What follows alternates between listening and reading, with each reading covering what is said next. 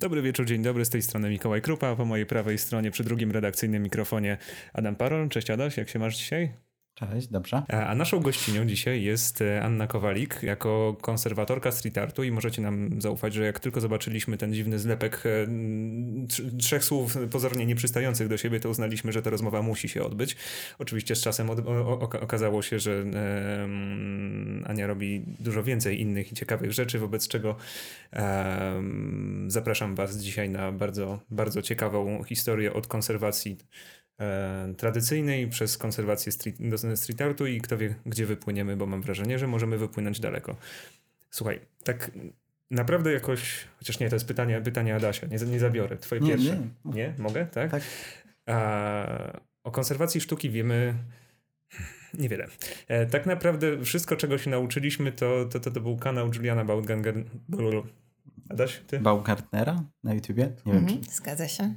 Tak. E, I, i to, to, było, to było fascynujące, bo nawet prze, jak przeprowadzaliśmy wywiad z Anią Rutkowską, która wygrała coming outy w zeszłym roku, ostatnie coming outy, to stwierdziliśmy, że naszym głównym lękiem było to, że co by się stało, jakby wygrał ktoś z konserwacji, to by oznaczało, że po pierwsze nigdy w życiu go nie znajdziemy, żadnego kontaktu, a po drugie nie będziemy mieli żadnego pojęcia o czym rozmawiać. Potem się właśnie pojawił Julian i e, zaczęliśmy razem z całą rzeszą fanek e, ASMR e, oglądać jak czyści skórzu stare płótna i chcieliśmy cię zapytać, może na początek, tak z góry, jak bardzo medialna może być postać konserwatora, konserwatorki sztuki?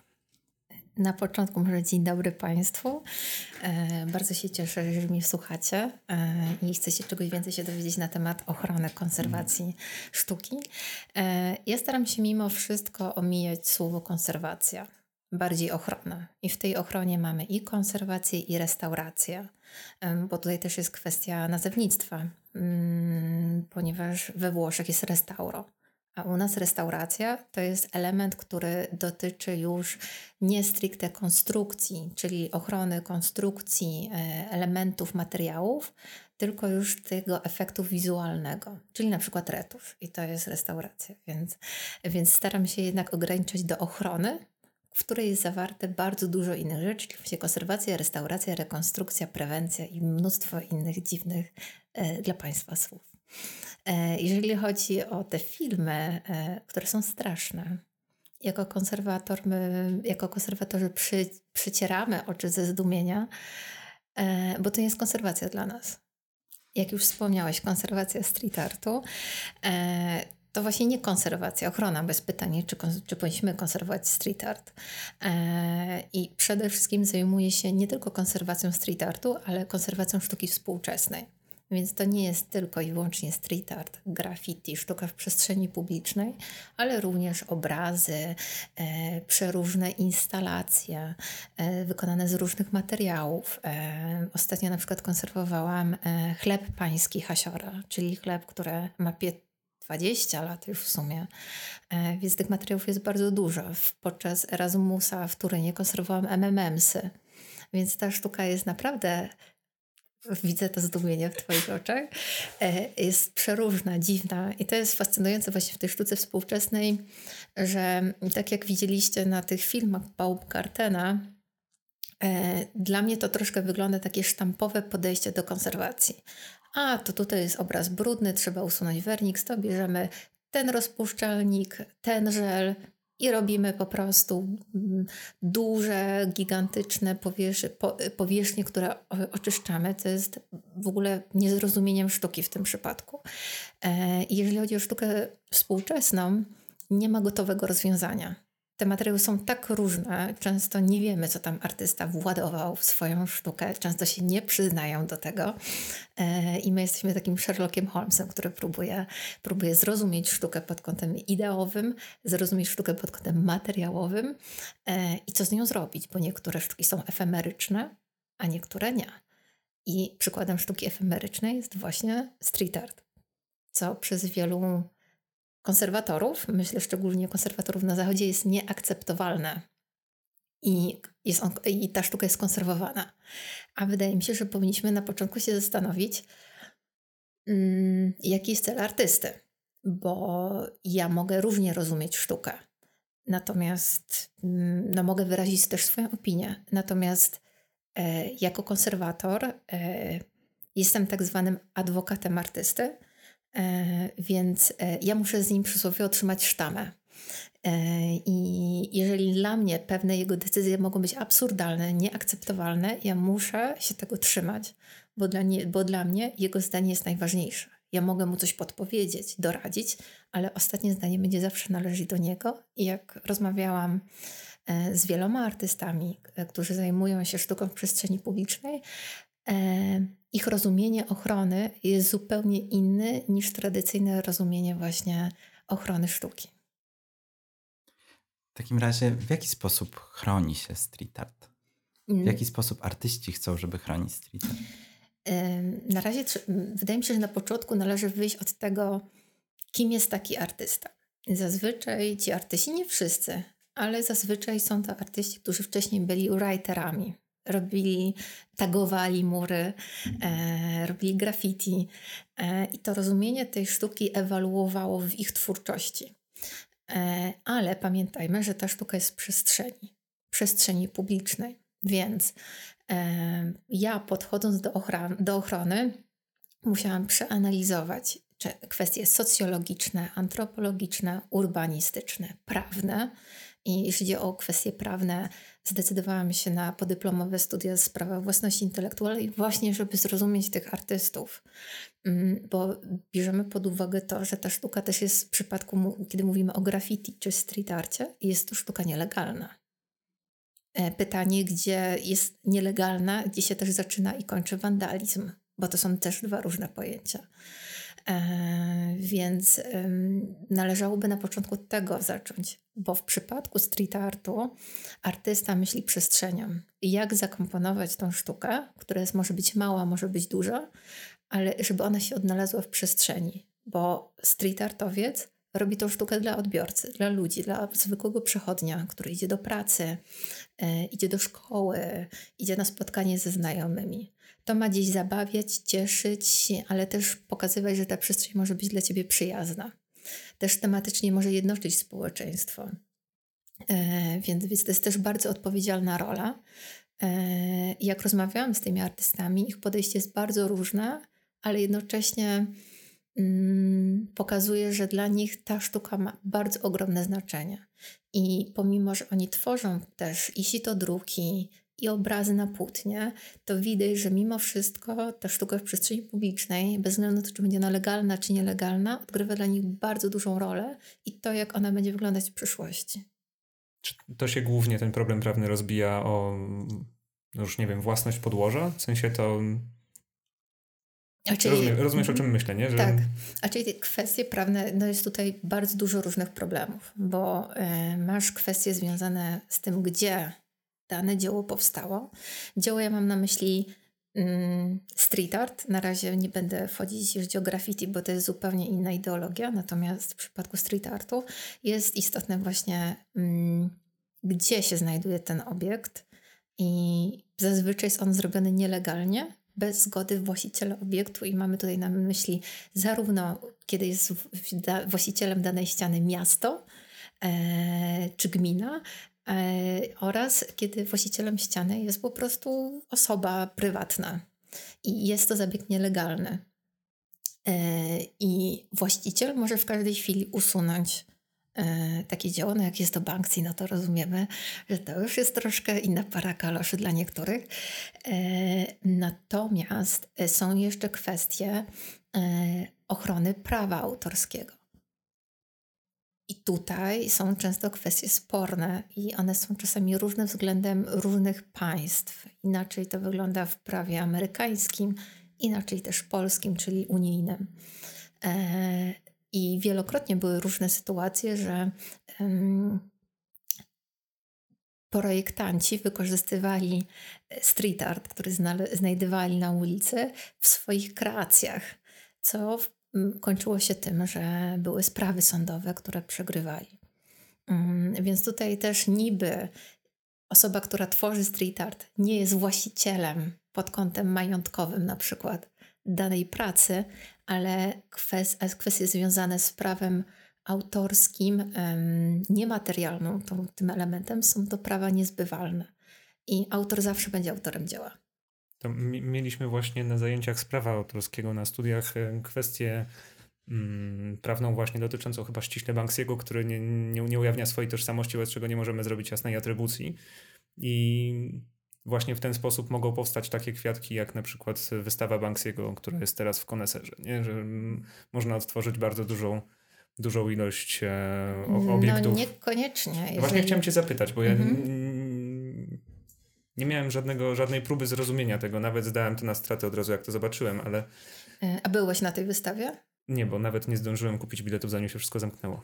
E, ja nie byłam i nawet gdyby było to wejście za darmo, bym nie weszła. O, dzielimy opinię, bardzo dobrze. Dzielimy opinię, nawet opublikowałam post na swoim Facebooku pokazujący mój stosunek do tego. Bo jakby też y, pomijając jeszcze kwestie związane właśnie z samym Banksim, ale mm, to, co jest istotne w sztuce w przestrzeni publicznej w przypadku street artu, mm, to to, że artysta stworzył dane dzieło w konkretnym miejscu dla tego miejsca. Więc ono nie powinno się przemieszczać. Bo gdyby artysta chciał, to by namalował na innej ścianie w innym państwie na drugim końcu świata. I każde dzieło jest związane z danym miejscem. I w przypadku ochrony, mm, bo tak to nazywam, dojdziemy na pewno jeszcze w przypadku konserwacji, natomiast dla mnie jest ważna rejestracja nie tylko samego obiektu, czyli na przykład robimy sobie zdjęcie nie wiem, watchera nor, noriakiego, e, tylko jest to cała przestrzeń, e, co się w okolicach znajduje, bo artysta, street artowiec myśli przestrzenią, nie tylko ścianą, bo tak to mógłby na płótnie namalować. Po co on robi to na ścianie? No nie, no bo to jest, ta przestrzeń jest dla niego bardzo istotna. Hmm, teraz mógłbyś powtórzyć pytanie. A, już wiem. Jeździ o Banksiego. Um, ja nie wiem, czy oglądałeś ostatni film dokumentalny związany z twórczością Banksiego, który można obejrzeć na HBO. E, tam jest też jasno pokazane, że każde dzieło Banksiego jest certyfikowane. E, żeby był, było to dzieło Banksiego, to Banksy na swoim koncie Instagramowym umieszcza zdjęcie. I to daje ci w 100% pewność, że to jest jego autorstwo. Jeżeli chciałbyś sprzedać, e, przypuśćmy, bo też powstawały grafiki, to druki jego autorstwa, to każde takie dzieło ma certyfikat. I wszystkie domy aukcyjne o tym doskonale wiedzą. Jeżeli nie masz certyfikatu do jego dzieła, oni nie wystawią go. Mhm. On jest wtedy dla nich bez wartości. Ten certyfikat ma największą wartość. To jest tak jak sygnatura e, u Leonardo da Vinci. Przypuśćmy. to jest e, tak jak cały case e, sztuki konceptualnej chociażby. Nie, nie, nie, kupujesz, nie kupujesz dzieła samego w sobie, tylko możliwość jego reprodukcji. Jest... Dokładnie. Albo Picasso, widzisz podpis i to jest dla ciebie warte fortunę, nie już co przedstawia czasami. No doszliśmy do takiego poziomu.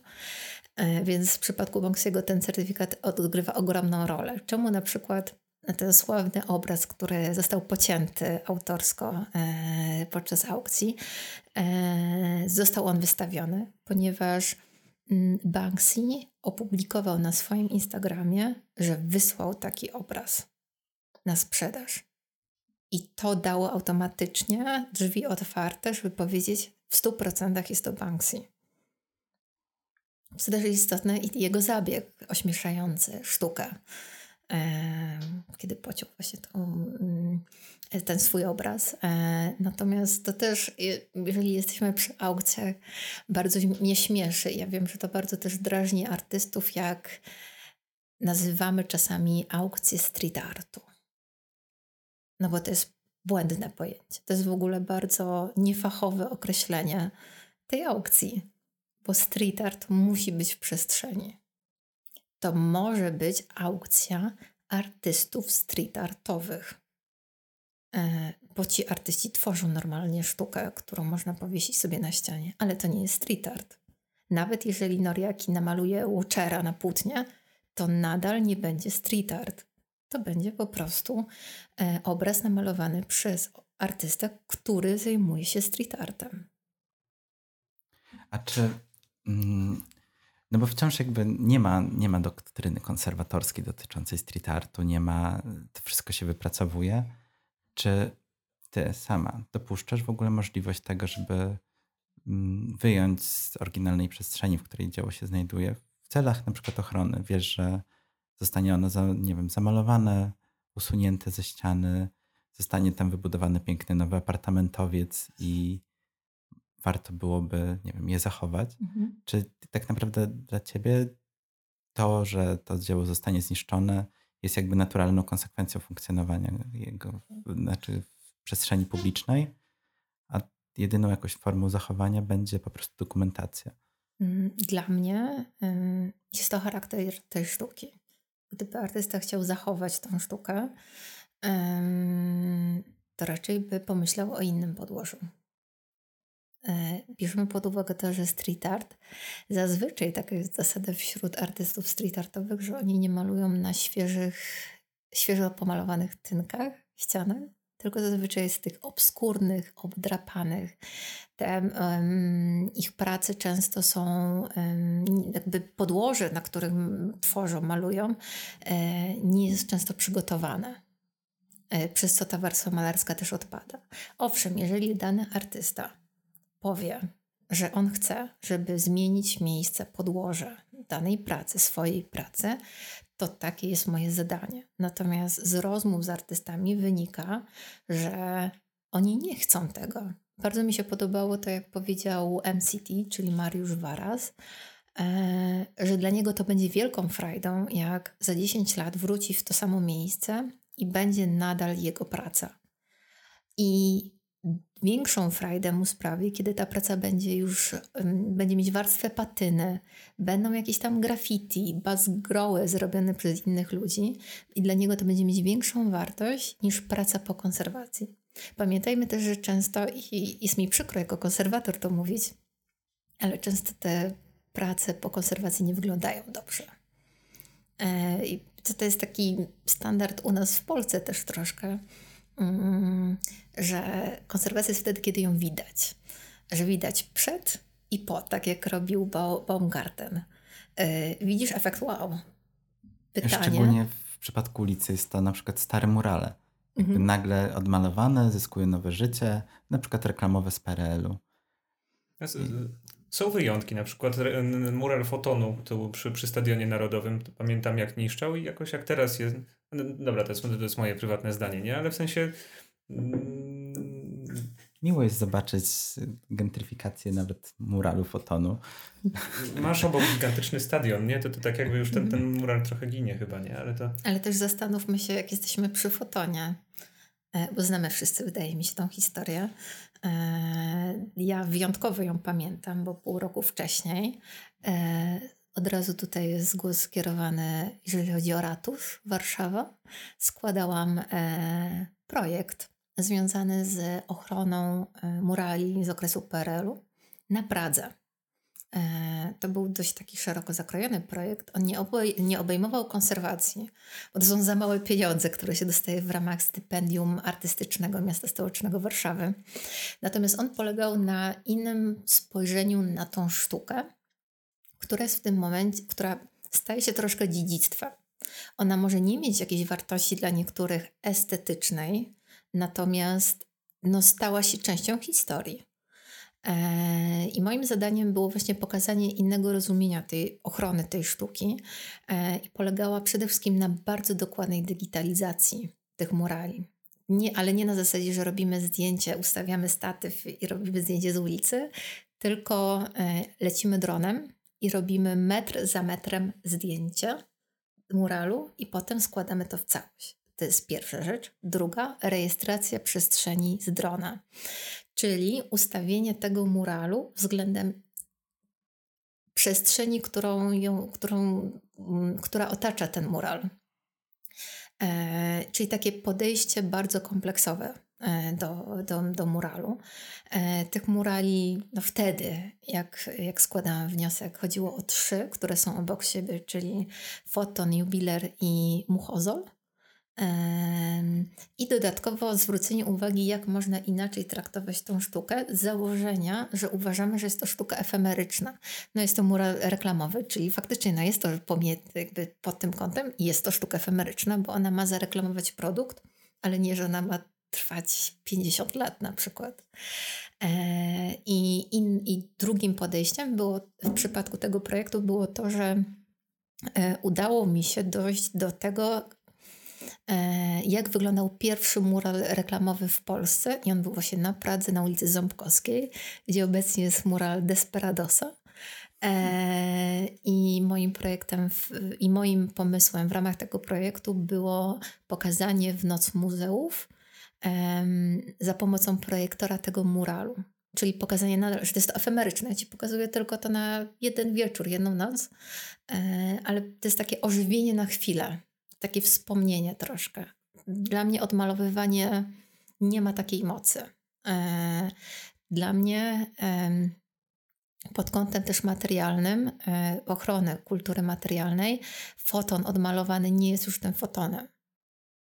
No tak, to, to, to to nie ma. To jest inna kwestia, oczywiście. Tak, to nie ma już tej wartości, nie ma tej siły.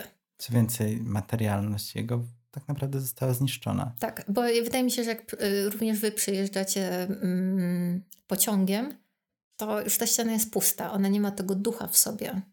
Fakt, no to nie był, ten mural nie był w super stanie, ale to było coś, co jednoczy ludzi. Wszyscy wiedzieli, że widzimy ten mural, zbliżamy się na dworzec wschodni na przykład, tak? Jeżeli jechaliśmy ze wschodu. E, I to było już takie powitanie w Warszawie, także zaraz, zaraz będzie dworzec. Nie, czy to jest pomiędzy dworcem wschodnim a centralnym? Tak. I stadionem.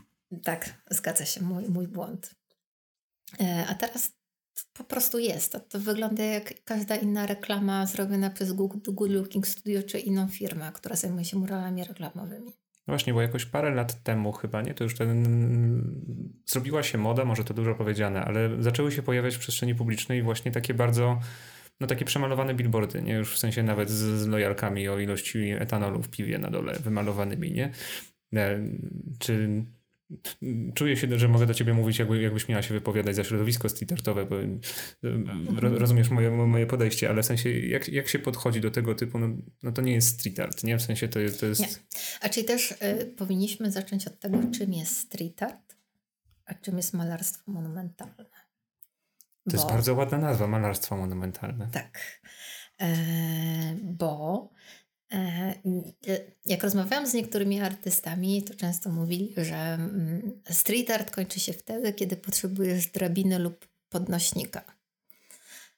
Natomiast e, rozmawiałam ostatnio z Nespun i jej definicja mi bardziej przemawia i jest mi najbardziej bliższa, bo to też jest ciekawe. Przeczytałam przeróżne książki związane ze street artem. Polskie, hiszpańskie, niemieckie, francuskie, angielskie, w sensie brytyjskie, amerykańskie. I non-stop jest ten sam problem z definicją. Natomiast Nespun powiedział to dość jasno i konkretnie. Różnica między street artem a malarstwem monumentalnym jest przede wszystkim taka, że street art jest nielegalny, ale on może być gigantyczny. Jeżeli artystę stać na wynajem podnośnika i zrobi to w nocy, nie mając żadnych zgód, to będzie to street art. A to, że jest duże, jest na przykład na całą ścianę kamienicy, no to to zależy tylko od artysty. I wydaje mi się, że to jest ciekawa właśnie definicja. Tutaj w przypadku murali reklamowych masz zgodę. I to już nie będzie street art. E, jest na ulicy, ale to już wtedy może być sztuka reklamowa w przestrzeni publicznej, ale reklamowa bo nie można do tego samego worka wrzucić murali, które powstają w ramach na przykład festiwali, jak Art Doping. E, no bo nie reklamują produktu, mhm. Ale artysta może się wykazać i przedstawić swój styl, swój punkt widzenia. Czy jest jakaś droga komercjalizacji dla twórczości artystów street artowych? W sensie... Mm, pytanie, pytanie jest takie, czy Mikołaj pije do tego, czy komercjalizacja w ogóle i na przykład właśnie te festiwale muralowe, powstawanie kolejnych murali w miastach, czy w środowisku street artowym nie są traktowane też w jakiś sposób jako takie zmniejszenie siły rażenia, w sensie tej, ten stopień nielegalności mm. się zmniejsza, street art się komercjalizuje, coś się zmienia. I no, czy, zmienia czy, się to naturalna kolej rzeczy w przypadku sztuki. Ona ewoluuje. W, w przypadku street artu. Tak, pytanie, w którą stronę to idzie. I znam świetnych artystów, którzy byli i writerami, i street artowcami, a teraz są artystami, którzy, budą, którzy tworzą świetną sztukę. E, zaraz, zaraz do nich dojdę. Mm, Natomiast też są tacy artyści, przecież mm, jak dobrze wiemy, w tych różnych firmach, które tworzą murale reklamowe, często też e, mm, tworzą je, ym, czy prowadzą lub pracują w tych firmach osoby, które zajmują się graffiti, które zajmują się street artem. No, jest to sztuka nielegalna, ale za coś no, artysta musi mieć pieniądze, żeby kupić puszki sprayem, farby. No, znikąd to się nie bierze. Owszem, w Stanach e, podstawą dla writera było ukraść mm, spray, e, żeby zrobić graffiti. E, kupienie puszki było czymś poniżającym. E, więc no, patrzymy na to różnie. Natomiast takim super dla mnie przykładem i e, w podejściu do sztuki w przestrzeni publicznej, w przypadku tego artysty jestem wręcz zakochana, można powiedzieć, to jest Hazme. To jest osoba, która była e, writerem, e, która miała swój epizod, ale też no, całą przygodę, która też po części do tej pory trwa street artowy i tworzy bardzo ciekawe, bardzo dojrzałe, e, bardzo dojrzałą sztukę w przestrzeni publicznej, gdzie robi na zamówienia. Ostatnia realizacja w Warszawie to em, ściana apartamentowca, który znajduje się przy Stalowej. E, Jest to abstrakcja jednocześnie, a jednocześnie też niekoniecznie są to, jest to targ zrobiony z lotu ptaka. Nie wiem, czy, czy widzieliście. To jest takie mm, dla mnie bardzo ciekawy przykład, w którą stronę ta sztuka może iść. Eee, I zazwyczaj dotyczy to artystów, którzy przeszli całą tą drogę od samego początku do dzisiaj mm, i sami siebie wypracowali w tym wszystkim. Ja uwielbiam artystów, którzy em, się zmieniają, którzy coś próbują. Hazme w przypadku street artu na początku zaczynał od origami, co możemy zobaczyć na oboźnej. E, nie wiem, czy, czy Państwo kojarzą ten mural przy szpitalu dziecięcym. E, szpital dziecięcy na rogu Świętokrzyska, e, oboźna? Chodzi ci o te, o te re- reliefy tam w tych... Nie. Nie, nie o to. Nie, jak pojedziesz dalej w stronę, jak skręcisz w oboźną ze Świętokrzyskiej i będziesz jechać w, w kierunku Harendy, Czuję się jak taksówkarz teraz, no mów dalej. A, Proszę cię bardzo. E, To zaraz e, na tyłach szpitala jest wysoki budynek, kamienica chyba na pięć pięter i tam jest taki mm, troszkę dziecięcy, taki e, fantastyczny mural. E, I to jest e, męż, mężczyzna, który leci łodzią w formie origami. E, Kojarzę to. kojarzysz? Tak. tak. Łódź w formie origami już. Tak, i tak, ten mural akurat e, powstał we współpracy z SEPE. Oni często ze sobą współpracowali i właśnie Hazme w tym okresie robił takie formy origami. To jest też o tyle ciekawa postać, która to też dodatkowo powoduje, że w, moich odczu- w moim odczuciu jest bardziej świadoma tej sztuki w przestrzeni publicznej, bo jest to osoba po architekturze. E, I to powoduje, że e, Daniel myśli bardzo przestrzennie. E, I jak rozmawiałam z nim, byłam wręcz bardzo zainteresowana tym, jak podchodzi do tej sztuki. I wydaje mi się, że to jest taki krok w dobrą stronę, jeżeli chodzi o nawet street art, czy nawet właśnie malarstwo monumentalne. Bo czasami jest tak, że ni przypiął, ni przyłatał. Pojawia się z ni stąd, ni zowąd mural, który nie pasuje do reszty. I nam się pe pewnym czasie nudzi już. Zazwyczaj są to takie figuratywne murale, tak? Że już widzimy kolejny raz. Mam, mam tak z jednym, mam tak z Fryderykiem Chopinem, jak się zjeżdża tamką. W sensie patrzę na prawo i tam jest taki mural. Ale już dawno go nie ma. Dawno nie jeździłem tamką. A, no to pora... Chciałem powiedzieć, że mi się strasznie jeszcze znudził, bo tam jeździłem przez jakiś czas No to codziennie ciesz właśnie. się, bo nie ma go już od kilku lat. No nie, Więc kilku dawno- lat? Nie żartuj. Oczywiście. Mm.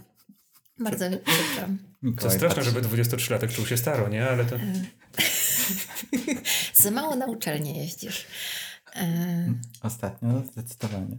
No, w, okresie pandemicznym to na pewno. E, nie, już go tam nie ma, ale tam jest ściana, która należy do, która może nie należy, jest wynajmowana przez Good Looking Studio i tam co miesiąc jest A, inna widzisz, reklama. ja nie myślę o tym po lewej, jak się zjeżdża z tanką, tylko po prawej. Po prawej przykładce jest taki wielki mural, na którym jest karykatura chyba Chopina czy coś takiego. Nie, o tym mówię. E, zaraz po tym, jak został zamalowany Chopin, Good Looking Studio miało dwie ściany, po jednej i po drugiej stronie. Bo tam są nie, kłócę się z tobą, masz, masz, masz rację. Tak? tak. E, i, ter, I nadal ta po prawej należy do Good Looking Studio, a, e, dru, a drugą ścianę zajęła inna firma, której nazwy nie będę wymieniać, bo nie podoba mi się sztuka ich i to, w jaki sposób podchodzą. Obecnie jest tam mural powstańca warszawskiego, który namawia do szczepień. E, wydaje mi się, że To brzmi strasznie kiczowato. brzmi strasznie kiczowato i według mnie em, osoby, które zajmują się reklamą, powinni dwa razy się zastanowić, co oni chcą e, pokazać e, i nie na wszystko się godzić. E, no bo powinniśmy być ludźmi też odpowiedzialnymi. To jest bardzo złe zachowanie. Ja gardzę takim podejściem, kiedy mm, robimy coś tylko i wyłącznie dla pieniędzy, nie myślimy nad tym. Bo to jest bardzo uderzające w powstańców, którzy oddali życie, żeby walczyć o wolność, i to się przyrównuje do szczepień na COVID-19. No, gdzieś tutaj ktoś Znaczy, no ktoś mógł to połączyć w jakiejś takiej bardzo odległej galaktyce, ale to nie jest, jest niesmaczne trochę, masz rację. Ten. Więc akurat takie firmy tempie, które się nie zastanowią. W przypadku Good Looking Studio, y, no wiem, jakie jest podejście niektórych artystów, którzy zajmują się street artem, sztuką przestrzeni publicznej, co myślą o Good Looking Studio. E, No, właścicielami Good Looking Studio jest street artowiec i graficiarz. E, więc też dodatkowe jest tutaj małe, małe zamieszanie. Natomiast przynajmniej oni też myślą, też bardzo pomagają. Jak była pandemia, wspierali mm, restauracje, y, za darmo malowali murale reklamowe, które miały reklamować właśnie te restauracje potrzebujące w tym, w tym najgorszym pandemicznym dla nich czasie. E, Więc to też jest fajne, że e, mimo wszystko i się tym nie chwalą. Zupełnie się tym nie chwalą i to jest też fajne, że, e, że gdzieś tam ludzie sobie pomagają nawzajem, mimo że możemy o nich myśleć źle, dobrze.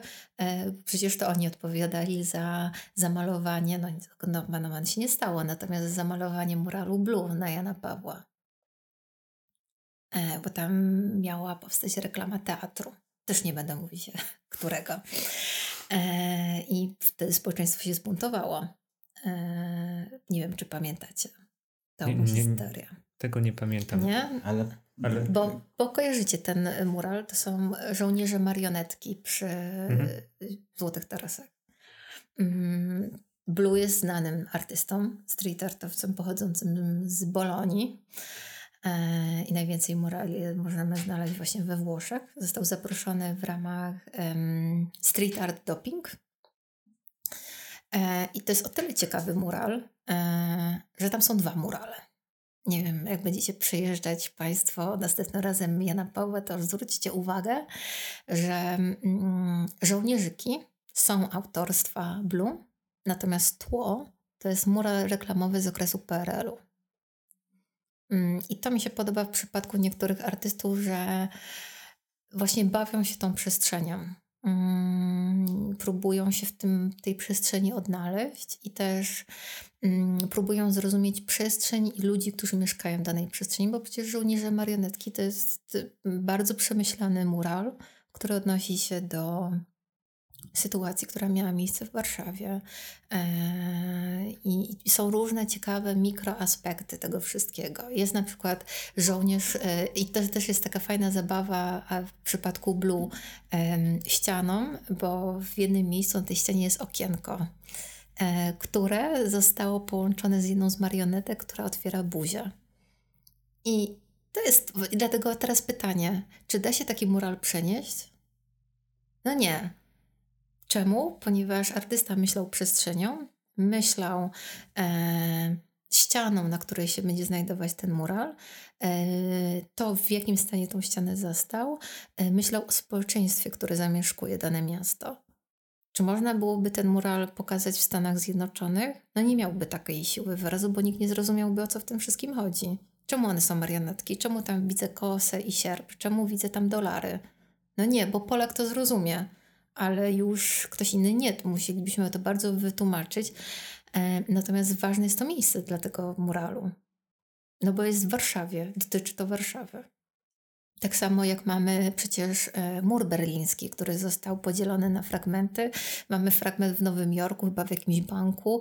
Mamy jeszcze w innych krajach e, Europy i, i Stanów Zjednoczonych i, i, jeszcze podejrzewam, że w Azji. Czy ma taką siłę wyrazu, jak było to w Niemczech? No nie ma takiego takiej siły wyrazu. Dlatego to pokazuje, że sztuka w przestrzeni publicznej no ma jakiś tutaj cel, że ona musi być w tym konkretnym miejscu po to artysta zdecydował się, że, on, że musi być na tej, na tej ulicy i na tym bloku, czy na tej kamienicy, ponieważ to ca- te wszystkie punkty tworzą całość. Tam jest dużo różnych wartości i aspektów, ale w porównaniu na przykład z płótnem, które możemy powiesić w różnych galeriach, to już nie ma takiej mocy.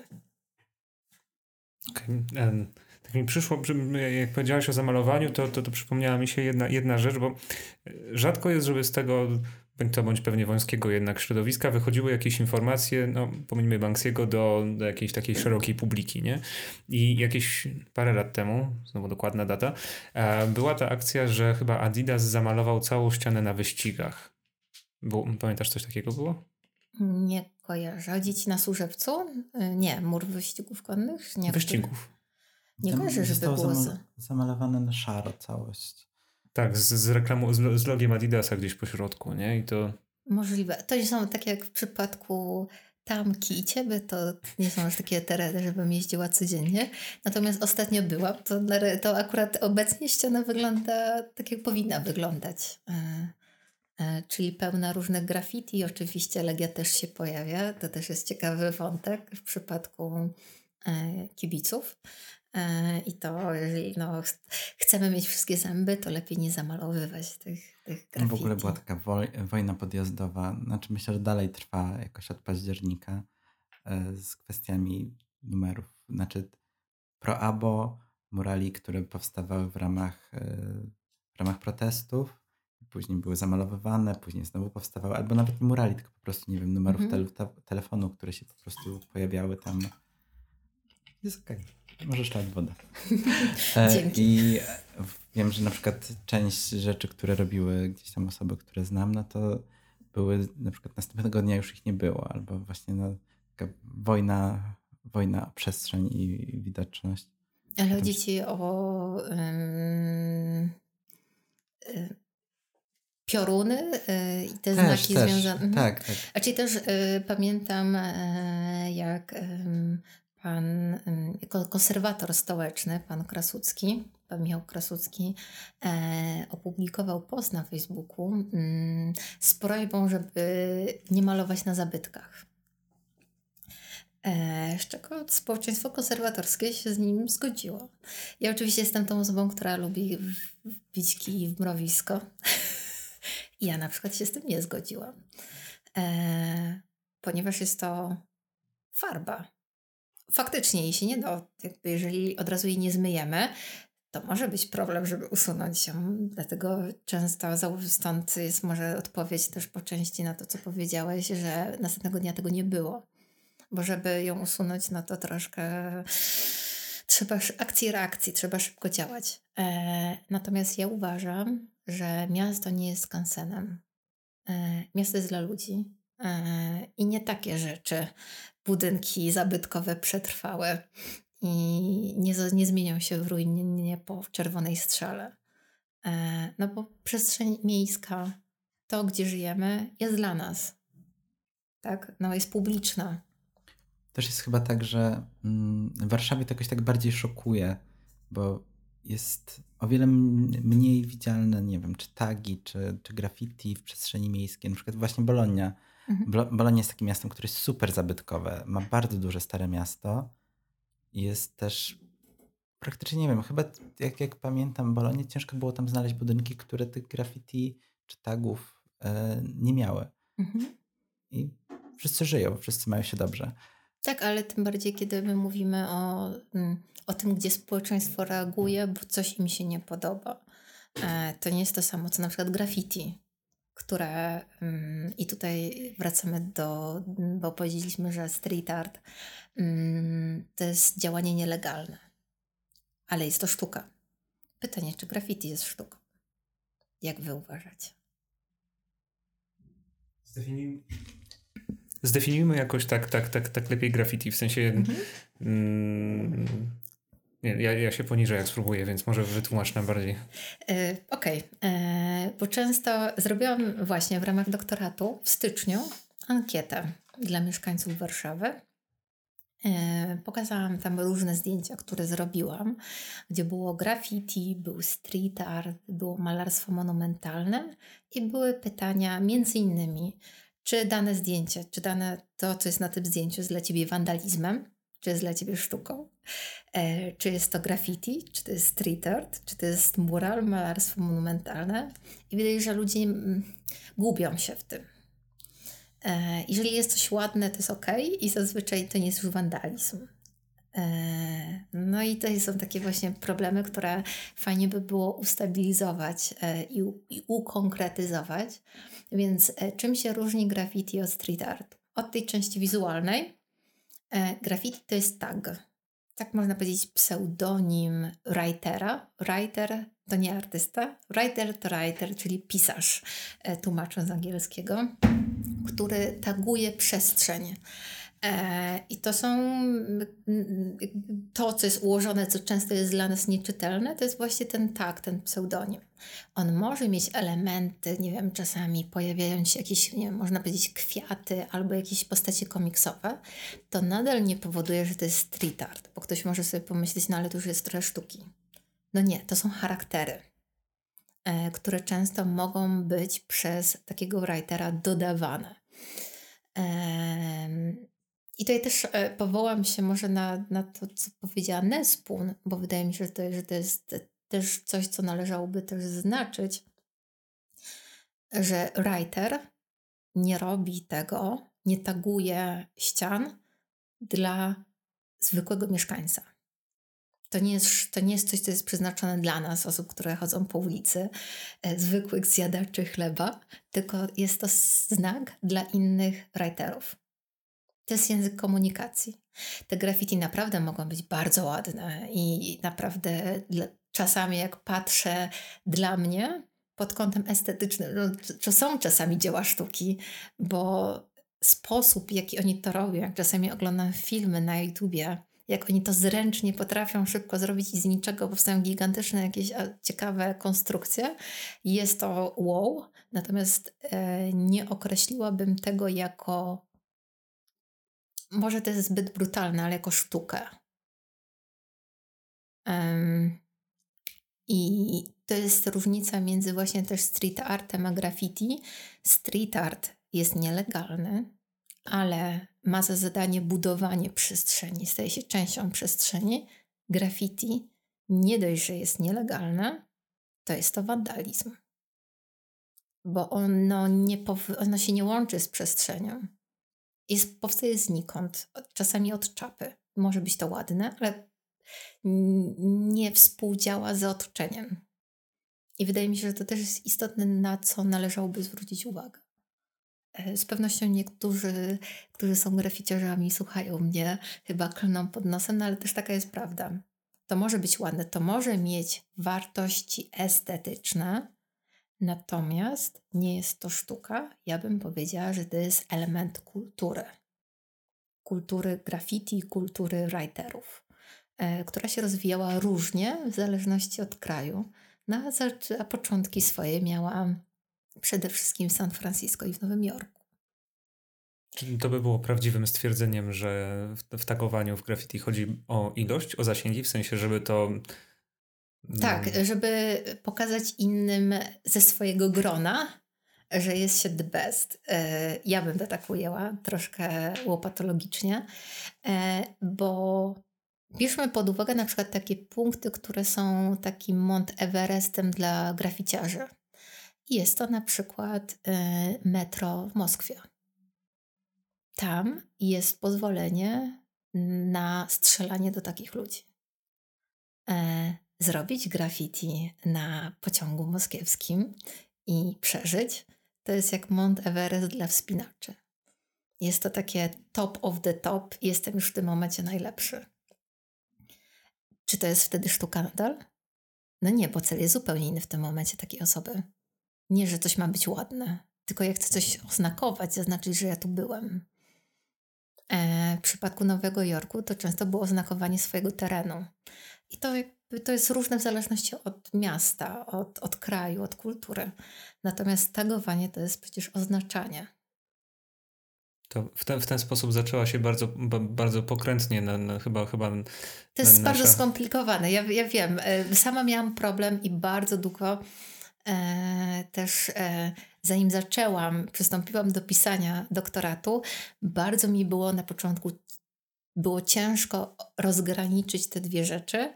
Mimo wszystko, e, bo mówimy też o, o ochronie graffiti. Pytanie, czy konserwator chroni tylko i wyłącznie sztukę? No nie, chroni kulturę. Graffiti jest częścią kultury takiego dziedzictwa troszkę niematerialnego, ja bym powiedziała, mimo że jest materialne bez na ścianie, ale cała ideologia, która jest budowana wokół graffiti, ich kodeksy, jest cały słownik przeciwnych nazw, bo graffiti na przykład na całym wagonie nosi inną nazwę niż na um, całym, niż, niż na przykład graffiti pod oknem e, pociągu. Oni mają zupełnie inne słownictwo, inny sposób porozumiewania się. Dla mnie to jest kultura jakaś, która działa w różnych krajach e, jest bardzo podobna w niektórych momentach, a w niektórych nie. To troszkę tak jak z kulturami w Polsce. E, kaszu, e, mamy kaszubów i mamy też górali. Są w Polsce element wspólny, natomiast mają zupełnie inną kulturę może troszkę odjechałam, natomiast chcę bardzo y, wytłumaczyć to osob osobom, które, tym z Państwa, którzy pierwszy raz stykają się właśnie z tą sztuką. E, spróbuję znaleźć takie odniesienie do, do rzeczy, które, które mogą się pa Państwu kojarzyć, które są dla Państwa znane.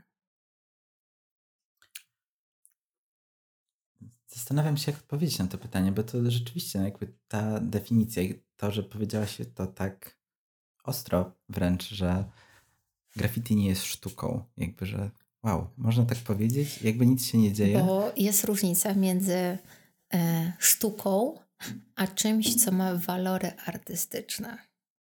To nie jest to samo nadal, ale jest związane ze sztuką troszkę ale nie, do końca nie jest.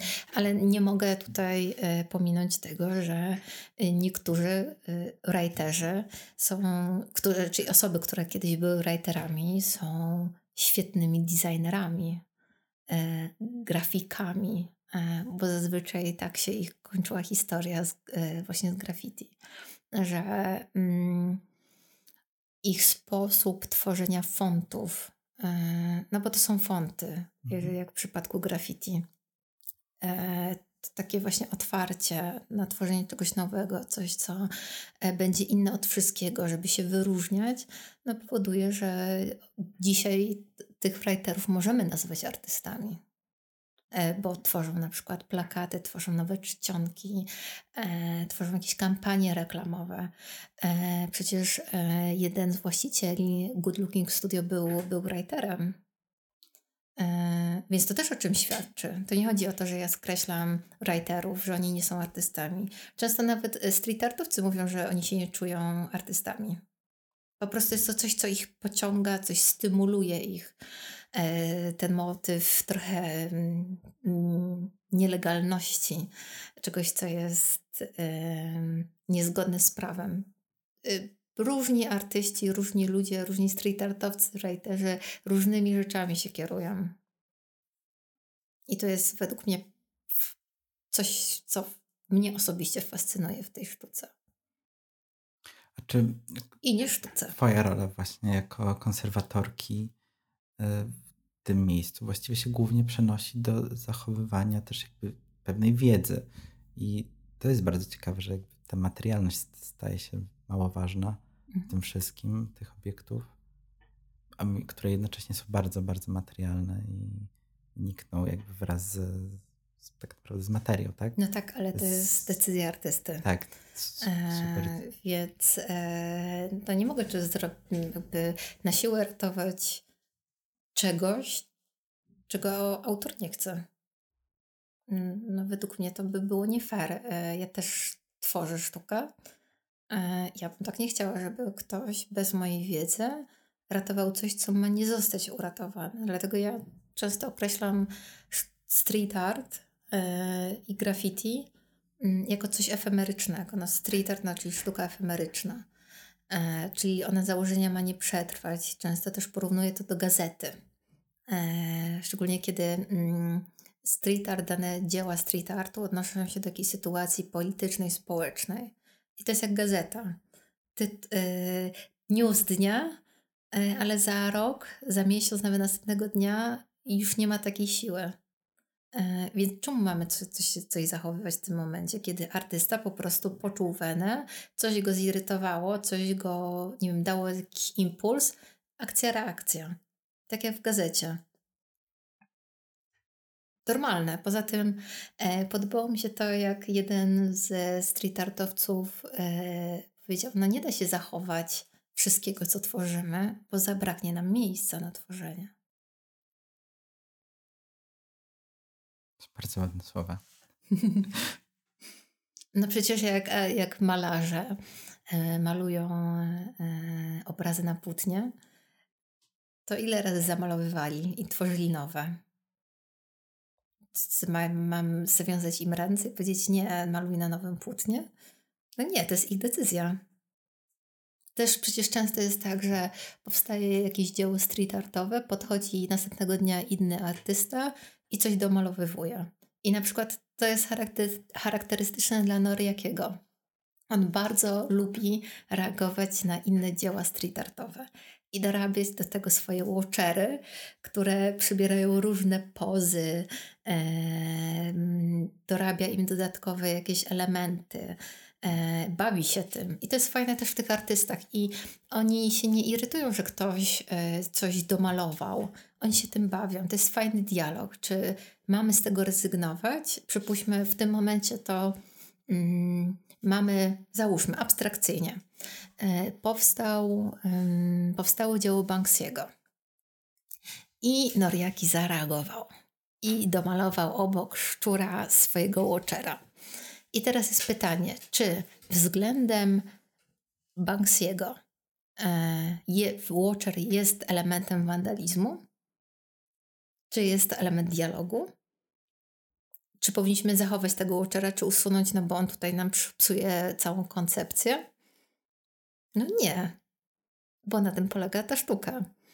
E, bardzo mi się podobało mm, na jednym z em, przystanków metra, w Nowym, y, nie w Nowym Jorku, tylko w Londynie. Odbyła się taka, taki ciekawy dialog e, Banksiego z Robbo. E, był, powstała seria chyba 10 e, dzieł, na jed, nałożone jedno na drugie. I to była taka kłótnia tych dwóch artystów. Znaczy zaczęło się od zniszczonego podpisu, zniszczonego tagu Robo, które zostało po części zamalowane w stylu Banksiego, e, czyli namalował postać, która wałkiem zamalowywuje po prostu już zniszczony też innymi graffiti e, tak Robo. E, po czym jak Robo to zauważył, zamalował to i jeszcze raz namalował na czysto swój tag. Po czym Banksy dopisał fuck you Robo czyli nad Robo napisał fuck you, e, z czego e, już mogę nie zapamiętać kolejności, ale później zostało to zamalowane. Powstał nekrolog, gdzie Banksy dopisał Robo e, i przeróżne rzeczy się tam działy, przedziwne.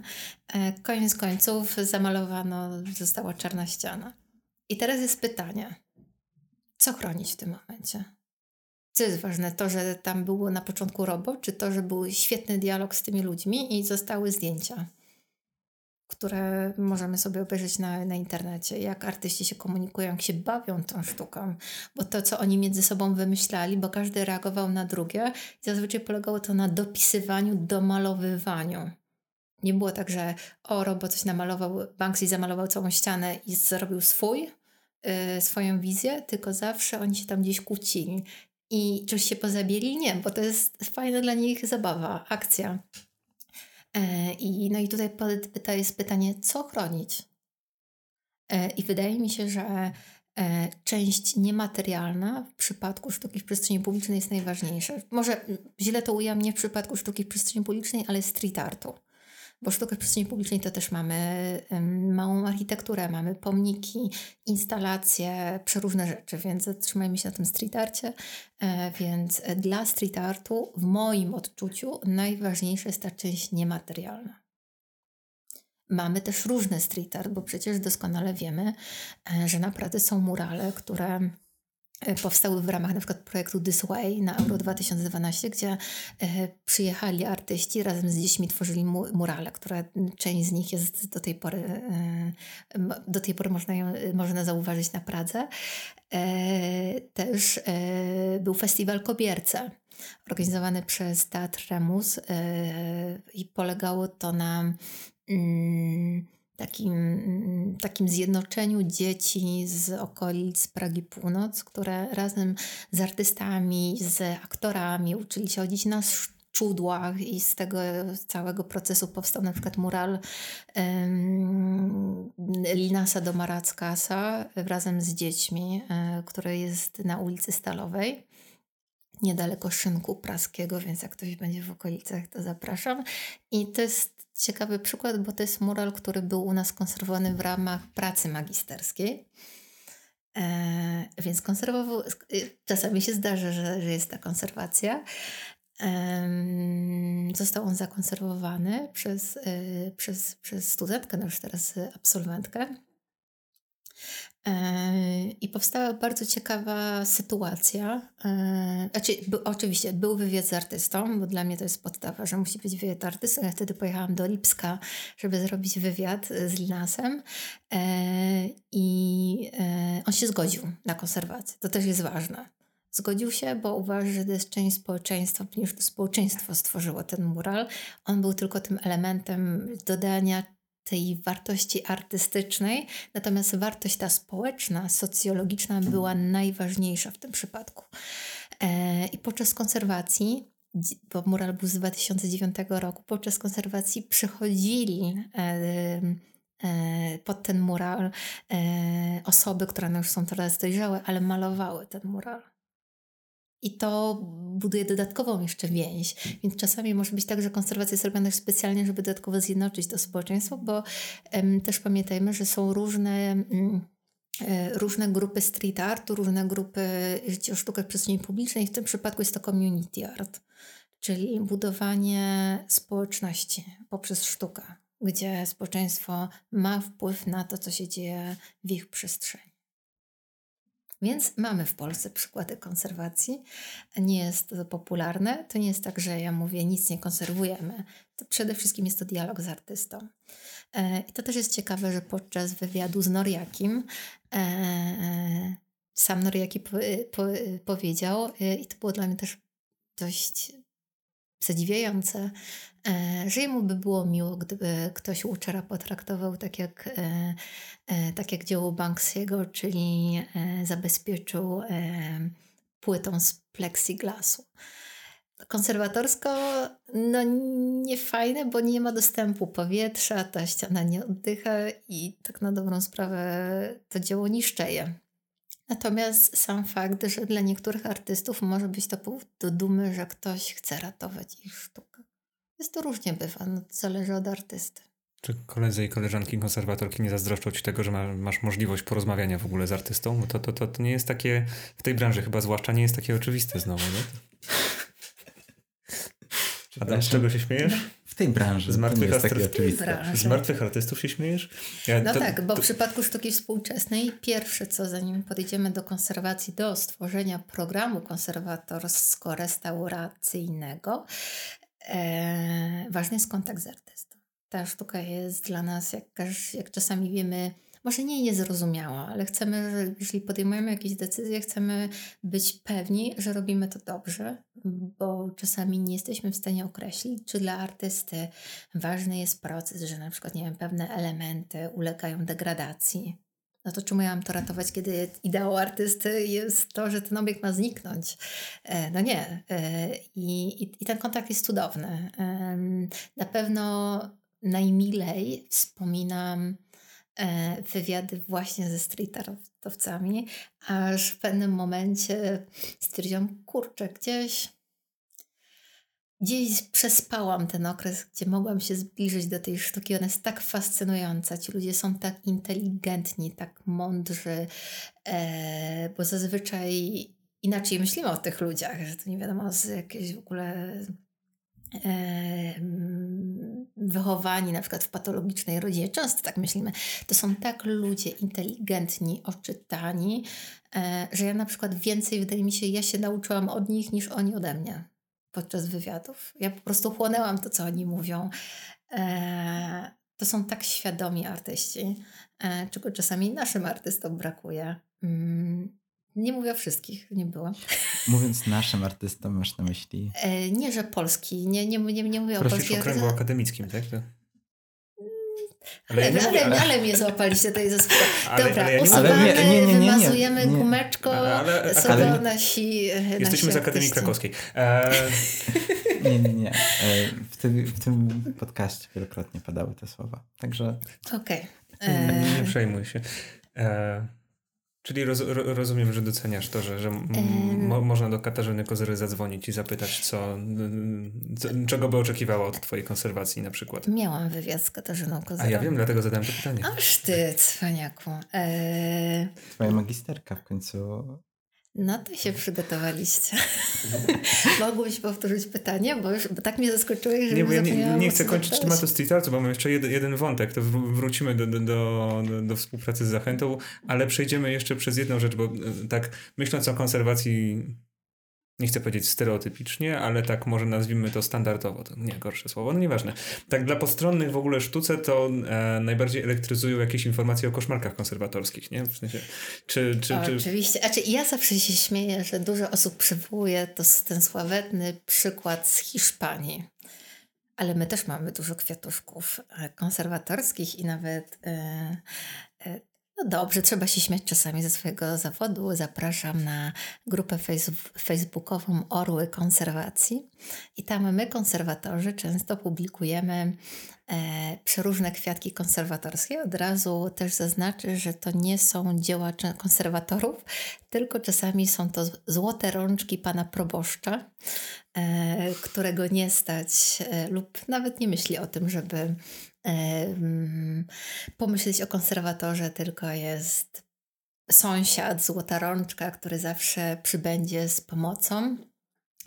No i są takie figury, na przykład e, dość znana figura świętego Franciszka, która nie była polichromowana, ale chyba panu proboszczowi się znudziło e, i poprosił pana złotego rąk, złot, aż mam problem z, z, z, odmianą, e, pana, który świetnie wszystko potrafi e, i pomalował na brązowo włosy, ubranko mu na brązowo, czy tam były to dwie kolory, dwa, dwa, dwa kolory, no ale to no, przepiękne dzieło. No troszkę miał problem, bo wyjeżdżał tam za linię i te włosy często były na czole, e, no ale się starał. No przecież nie zrobił tego specjalnie, natomiast na oczy to już no nie były do przejścia i widać było, że no nie poradził sobie, więc zdecydował się na wycięcie e, oczu jakiejś pani z okładki gazety i przyklejenia. E... Żartujesz? Nie żartuję. To brzmi jak coś tak dobrego. To jest cudowne, więc zapraszam na, na naszą grupę. Wyobraź sobie, że idziesz na sesję zdjęciową pani domu robi ci zdjęcie, lądujesz na okładce, a wiesz, rok później jesteś na, oczami świętego Franciszka. To, mhm. jest, to jest piękny mhm. wątek. A czy ja, y, by tu nie chodzi o to, że ja ośmieszam w jakiś sposób Oczywiście, mój zawód. Tak. Nie, to też chodzi o to, że ja lubię o tym mówić, chcę o tym mówić, żeby troszkę dokształcić społeczeństwo i żeby zwracali na takie rzeczy uwagę. Czy w kategorii konserwowania street artu, to, to, o, o, to mi chodziło właśnie z, z koszmarkami, czy to, to, to, również, nie wiem, czy koszmarek to dobre słowo, jest to, urocze. Urocze. Prawda? Bardzo dobre. Eee, czy to też zakrawa właśnie na tematykę i kategorię konserwacji street artu, czy to jest zbyt, zbyt wolna sztuka, gdzie trudno się doszukać jakichś nieścisłości konserwatorskich? No, mm, jest ona zbyt młoda i dopiero zaczęliśmy o niej myśleć e, w kwestiach ochrony. Na pewno się doczekamy. No, nie jest koszmarek konserwatorski, przypomniało mi się. I to obok zachęty.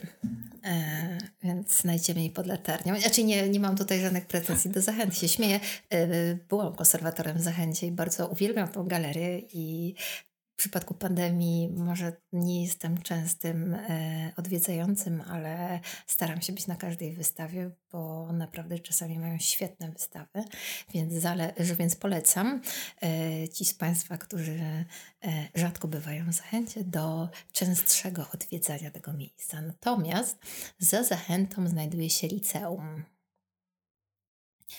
E, I na ścianie tego budynku jest e, mural takiej grupy, która już nie istnieje, e, Tworzywo.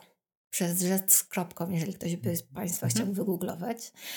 Mm, tam jest mural, który mm, nie miał e, podłoża, w sensie mm, nie było przygotowane podłoże e, położenia gruntu, farby. Na surowym tynku e, został namalowany mural, bardzo prosty, graficzny, charakterystyczny dla tej grupy.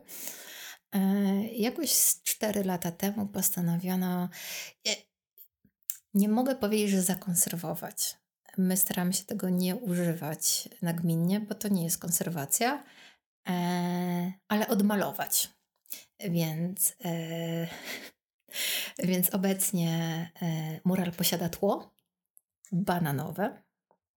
Charakterystyka często dla niektórych, e, w przypadku kiedy odnawiane są kamienice, się śmieję czasami, że e, Znaczy, tak jest taki nasz żart wewnętrzny, konserwatorski, e, żeby troszkę tak zacząć na luźno podchodzić do tego, do tego problemu, że często wyróżniamy konkretne kolory przy konserwacji e, kamieni z budynków, czy może nie konserwacji, bo tak jak mówię, to też jest za dużo powiedziane, ale odmalowywania fasad. Jest to zawsze kolor bananowy, cappuccino e, i taki gołębi, ja bym powiedziała. To są, czasami się jeszcze różowy pojawia, taki brudny, pastelowy róż. Czarni. O, mamy nowe określenia, więc jeszcze sarni. E, I czasami się śmiejemy, że chyba Polska za dużo kupiła tej farby e, i teraz musimy gdzieś ją wykorzystać. Ja kiedyś słyszałem plotkę, że to jest po prostu najtańsza farba w składzie, że, że jeżeli malujesz na przykład szkołę, gdzie masz bardzo mhm. dużą powierzchnię, to ci najtaniej wychodzi kupić najbrzydszy pomarańcz, jaki mają, bo nikt inny go nie chce kupić. Mhm. Ale, mnie to. E, tak jak mówię, najciemniej pod latarnią e, budynek Wydziału Konserwacji ma również bananowy kolor. Był wcześniej kanarkowy, ale jest brudny, więc teraz wyszedł bananowy.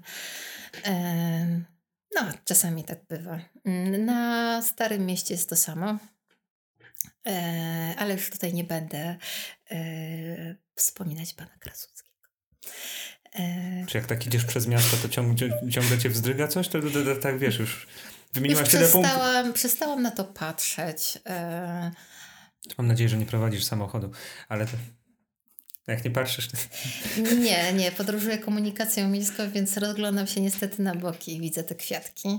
E, ale ja się z tego śmieję, bo wydaje mi się, że trzeba optymistycznie podchodzić do życia. No, nie zmienię tego. Mam płakać w tym momencie, że nagle na środku nowego światu, naprzeciwko e, stołecznego konserwatora zabytków, mamy kamienicę, która została pomalowana na oranżowy kolor, jakby ktoś wylał na budynek mirindę.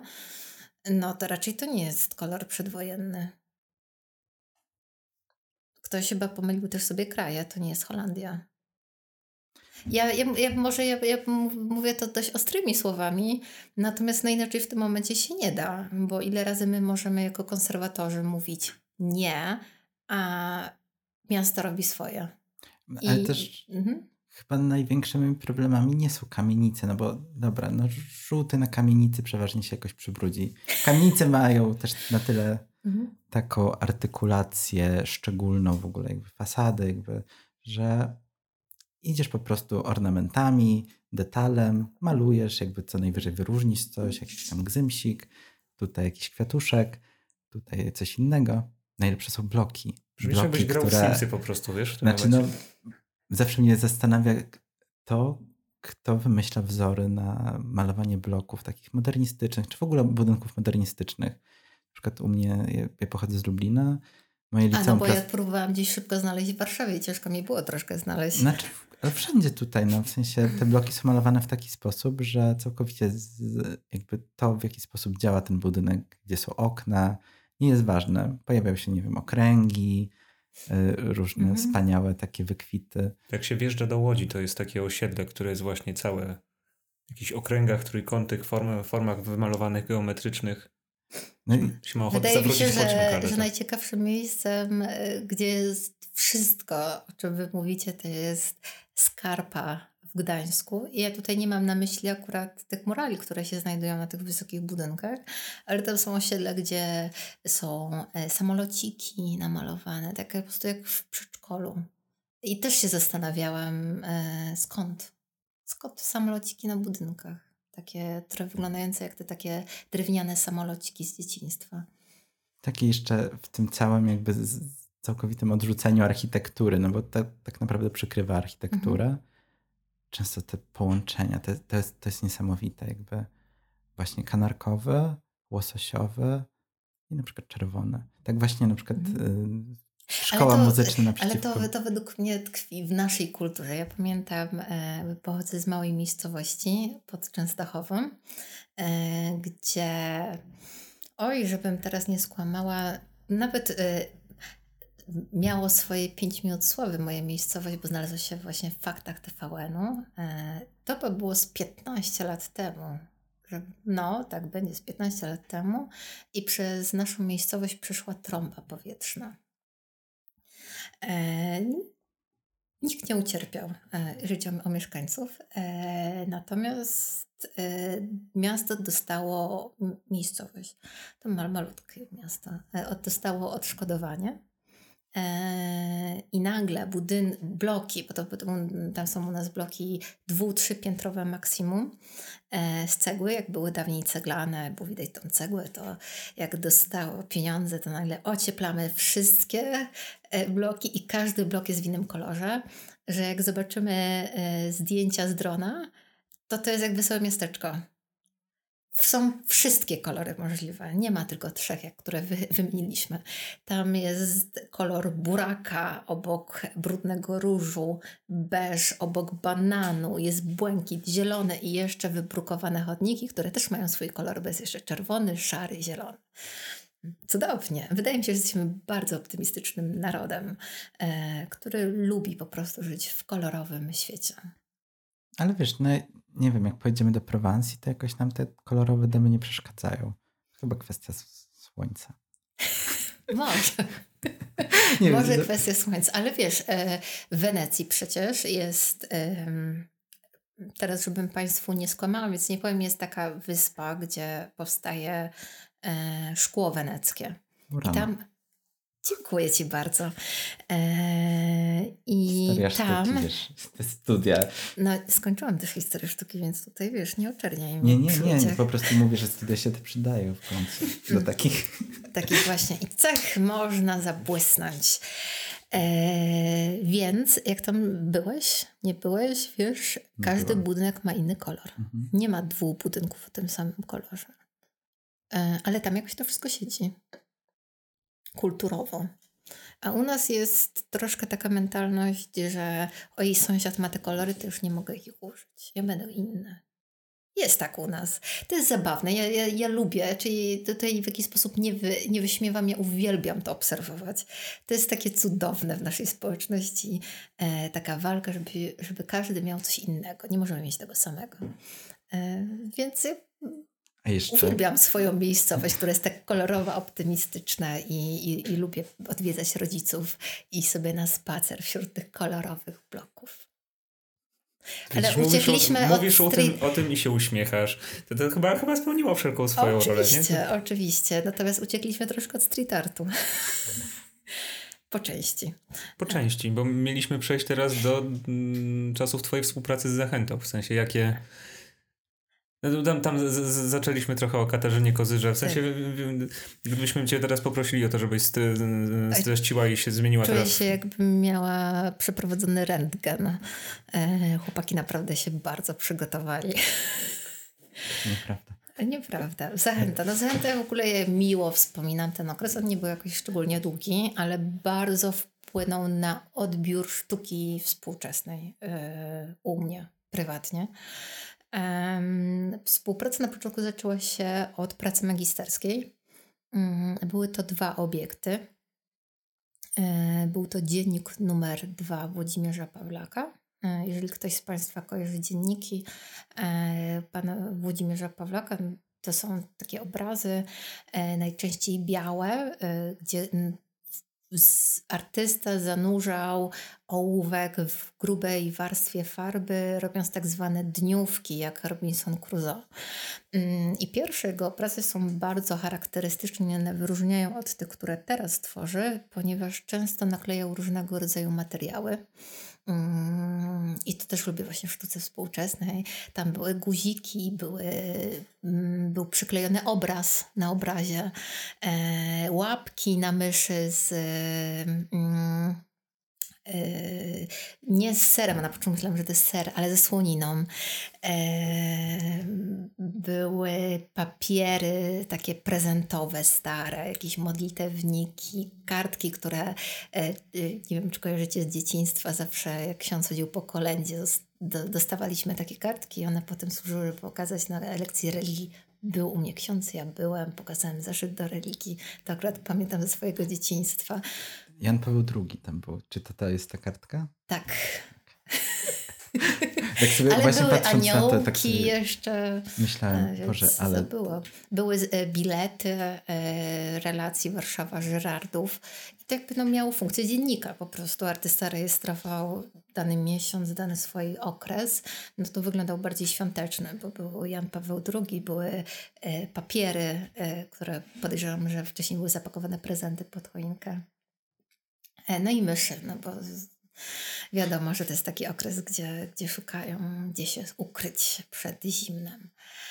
E, I to był jeden obiekt, i tutaj zrobiłam pełną konserwację, restaurację tego obiektu. Em, a drugi obiekt e, to była piramida zwierząt.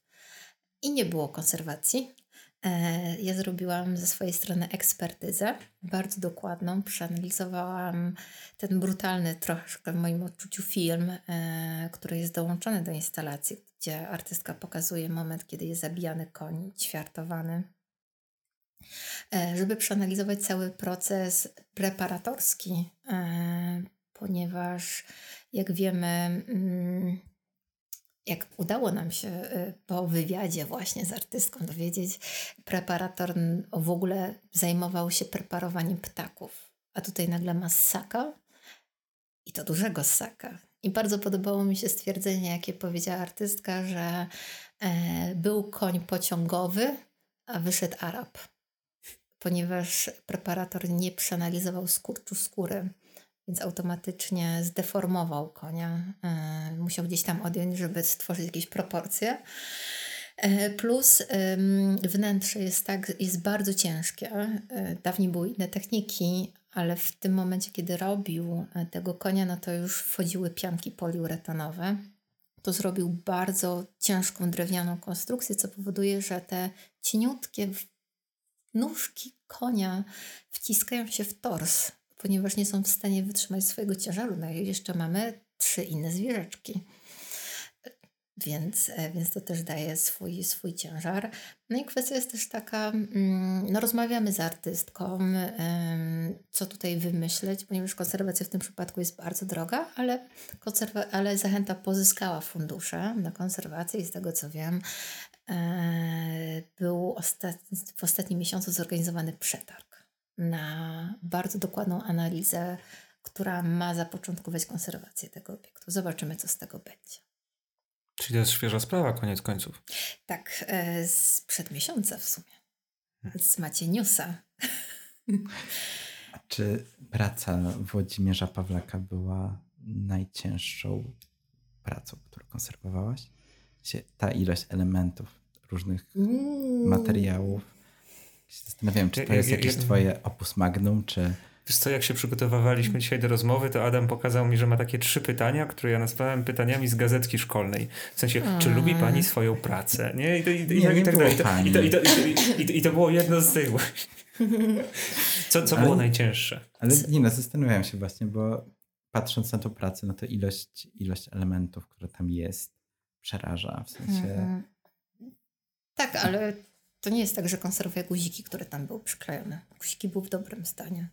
E, więc nie, to też jest pytanie, jak rozumiem, to jest dziennik. Dziennik ma podać historię.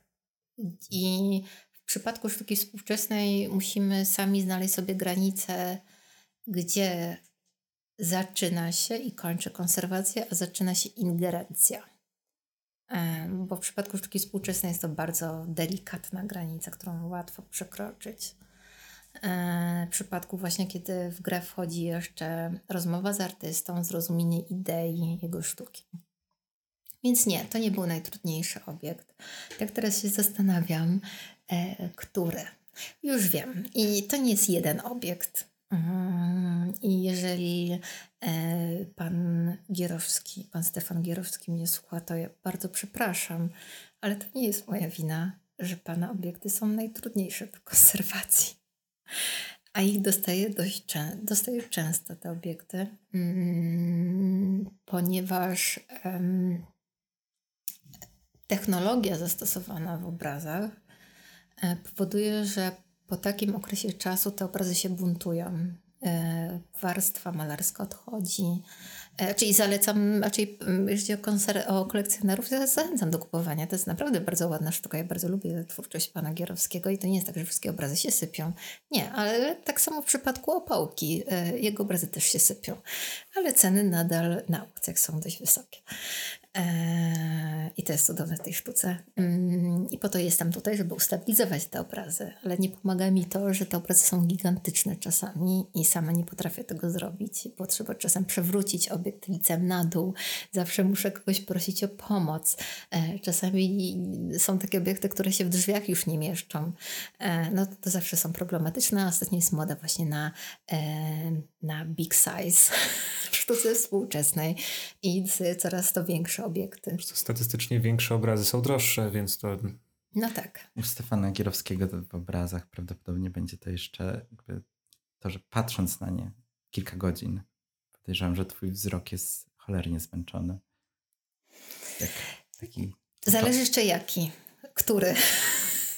Na, na, zielony to musisz być wybitnie spokojna, prawda? Ale... Tak, ale są różne zielone, bo są bardzo takie kolorowe zielone, są takie bardzo monochromatyczne. Mm, to takie uspokajają i też są bardzo trudne. Właśnie obrazy monochromatyczne są bardzo trudne e, do retuszowania przede wszystkim. Mm, Mia miałam inny jeszcze obiekt e, z kolekcji Zachęty mm, i to był, e, to była, to był relief e, Berdyszaka, który był cały niebieski. To było połączenie tylko dwóch kolorów, ultramaryny i kobaltu. E, to było taki, taki relief, taka konstrukcja drewniana, która była pokryta takim, taką farbą, relief, taką, przepraszam, taką farbą akrylową. Doszliśmy potem do tego, że to były takie farby akrylowe e, w proszku, którymi malowano dawniej ściany w mieszkaniach. Minusem tej farby jest to, że ona nie jest tak odporna jak tradycyjny akryl na temperaturę. I ktoś podczas transportu, firma, nie powiem jaka firma transportowa, wpadła na genialny pomysł, nie czytając moich zaleceń konserwatorskich kwestii transportu, zdecydowała się na zawinięcie folią bąbelkową, bąbelkami do środka. Jak ktoś z Państwa mnie słucha i planuje transport obiektu, bąbelki muszą być na zewnątrz, nie do środka, e, bo inaczej nie chronią obiektu. E, to tak na przyszłość, bo wiem, że dużo osób się myli i zawsze też w zaleceniach konserwatorskich piszą o patologicznie bąbelkami na zewnątrz. E, bardzo polecam. Naprawdę. Proszę się tutaj nie śmiać, to są bardzo poważne rzeczy, bo Zrobię potem... z tego tytuł. So, ma, masz, potem... masz, masz, masz, masz, Bo potem jest tak, że przychodzi taki właśnie obiekt Berdyszaka, który był transportowany w, upalną, w upalny miesiąc w sierpniu e, to był taki okres bardzo upalny u nas, zawinięty w tą nieszczęsną folię bąbelkową bąbelkami do środka i na całej gładkiej powierzchni zostały bąbelki. Eee, konserwacja bardzo trudna. Obiekt uratowany. Polecam się, jeśli ktoś by chciał. Eee, się, e, chciałby konserwować swój obiekt.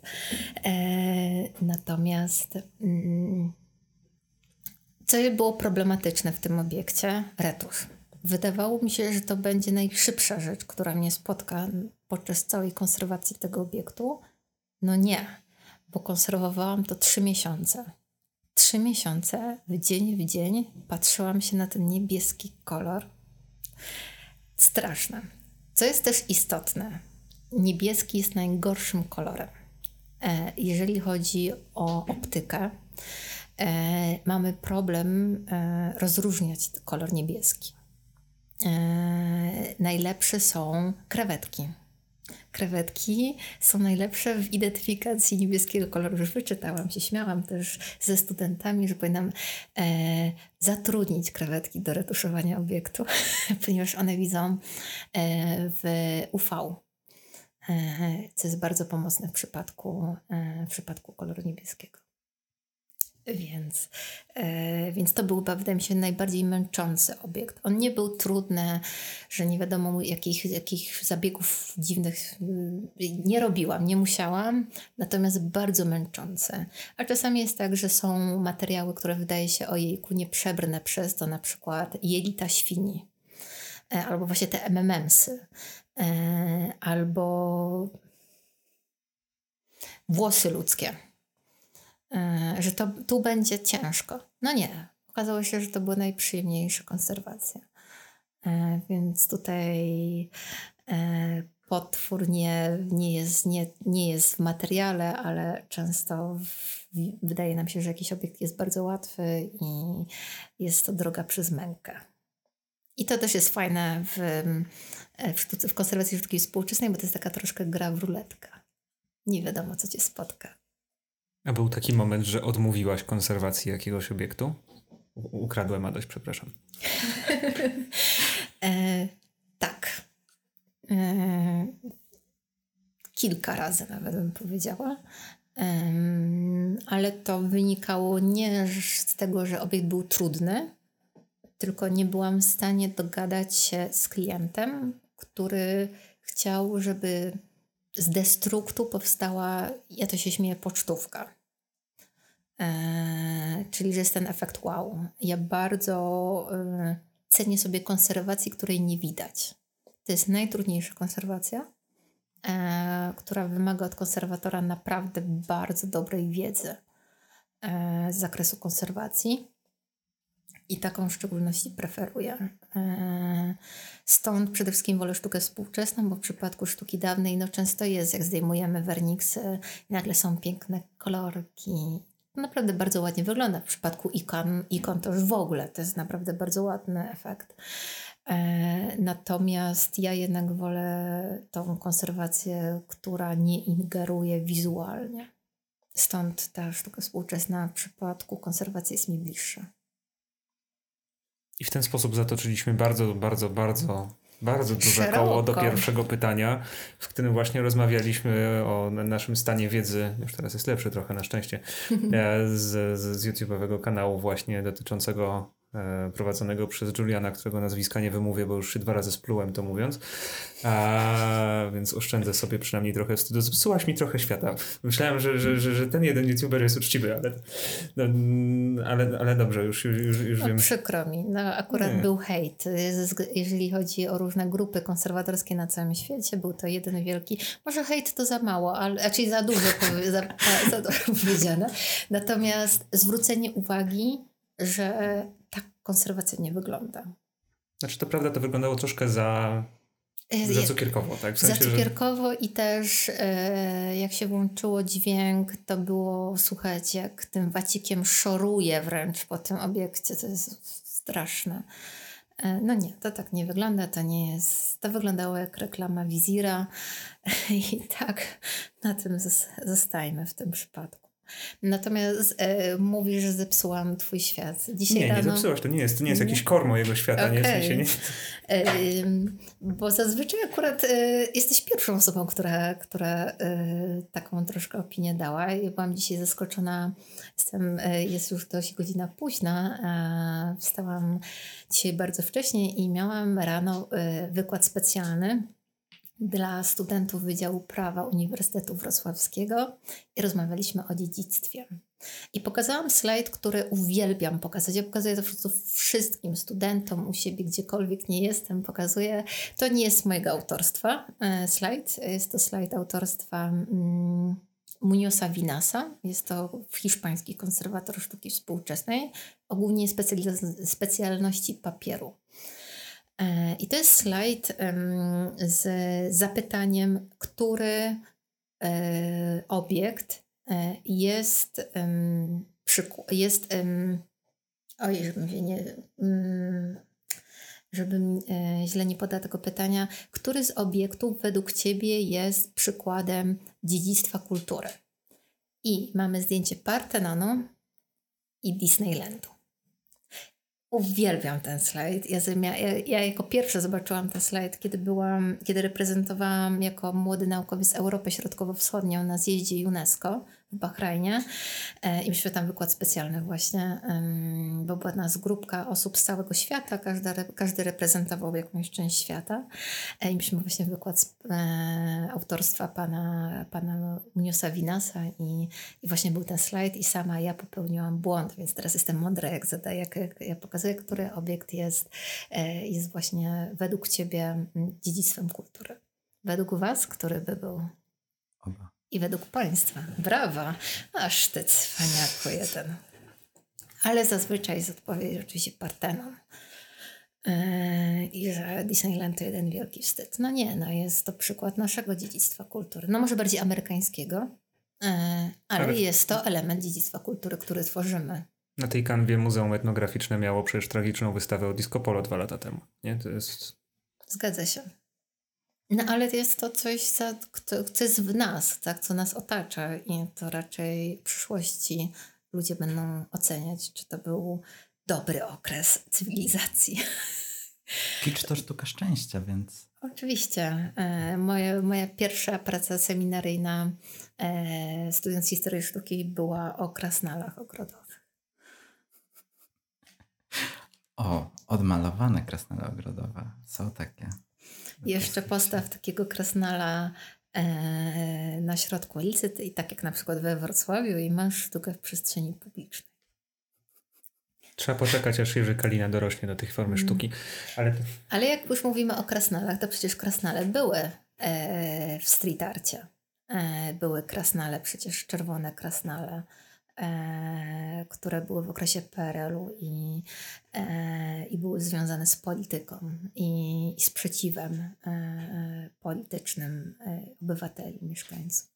We Wrocławiu. I to tak ładnie przechodzi w te krasnale, które można znajdować na Starym Mieście. Tam chyba nawet była w ogóle sprawa y, założyciela pomarańczowej alternatywy z, z Wrocławiem, który sądził się o prawa autorskie do krasnali przejść już na ta, taki etap, w którym ja już przestałem rozróżniać słowa, więc tak. Musisz nas gonić w takim razie. Muszę was gonić. Ale... Więc zwróciliśmy w sumie do street artu. Zwróciliśmy w sumie do street artu. Mm. Dobrze, skoro już nikt nas nie słucha, bo to już godzina 40, więc to... O, to, to jesteśmy prawie jak imponterabilia. Nie przeklinaj. E... Pozdrawiamy pana Karola. Czy to jest ten moment, w którym muszę powiedzieć, że, że ja nie pozdrawiam, bo odrzucił moje CV bez odpowiedzenia, nawet na maila? Nieładnie, panie Karol. A bardzo nieładnie, nieładnie to prawda. No może najlepiej. Może najlepiej wyszło. Tak, tak, tak. Prze, prze, przegonimy. Tak. Myślę, że pod, tak, podcast o kulturze i sztuce rzeczywiście ma wielkie szanse na mainstream w tym kraju. Eee, to wracając do street artu już tak, ten, tak, tak na zakończenie i w ramach ciekawostki, my się poznaliśmy przez naszego wspólnego znajomego na Facebooku, któremu, którego ja zapytałem, bo był taki, był, był taki moment, że utknąłem pod trasą siekierkowską i nie, nie, nie pytaj dlaczego, ale utknąłem pod trasą siekierkowską i zacząłem sobie tak iść tą amfiladą pomiędzy pomiędzy przęsłami i zobaczyłem, że wszędzie dookoła mnie jest wyłącznie jeden tag, wyłącznie jedno, jedno, jedno nie imię, pseudonim, e, czyli, e, czyli Fukow. Mhm. I potem bardzo szybko połączyłem fakty, że w sumie to jest ten tak, który ja widzę codziennie, może zwracam na niego uwagę, ale widzę codziennie od paru lat i to w różnych seriach, w różnych edycjach, w różnych e, koniunkcjach po prostu, czy to który to dzień pandemii, czy to która historia albo skąd wziął tą farbę, prawda? To, to, to jest taki timeline, który leci gdzieś, gdzieś równolegle do, dookoła mojego postrzegania mm, sztuki w przestrzeni publicznej. No, sztuki to mhm. Okrągle, okrągle powiedziałem. I, i właśnie zaczą, zacząłem szukać w ogóle to tak już na, na wyrost. E, nie, nie, wiem, czy, nie wiem, czy to jest popularna taktyka we właśnie w środowisku writerów i graficiarzy. Nie, writerów i street artowców, przepraszam. Dziękuję. E, wystarczył twój uśmiech. Okej. Okay. E, żeby działać pod pseudonimem, ale pomyślałem, że to będzie świetny, taki bardzo catchy, taki e, fantastyczny motyw, że, że, że się spotkamy z kimś, kto działa pod pseudonimem. Nie rozumiesz takie, takie tej mhm. marzenia o Banksim, nie?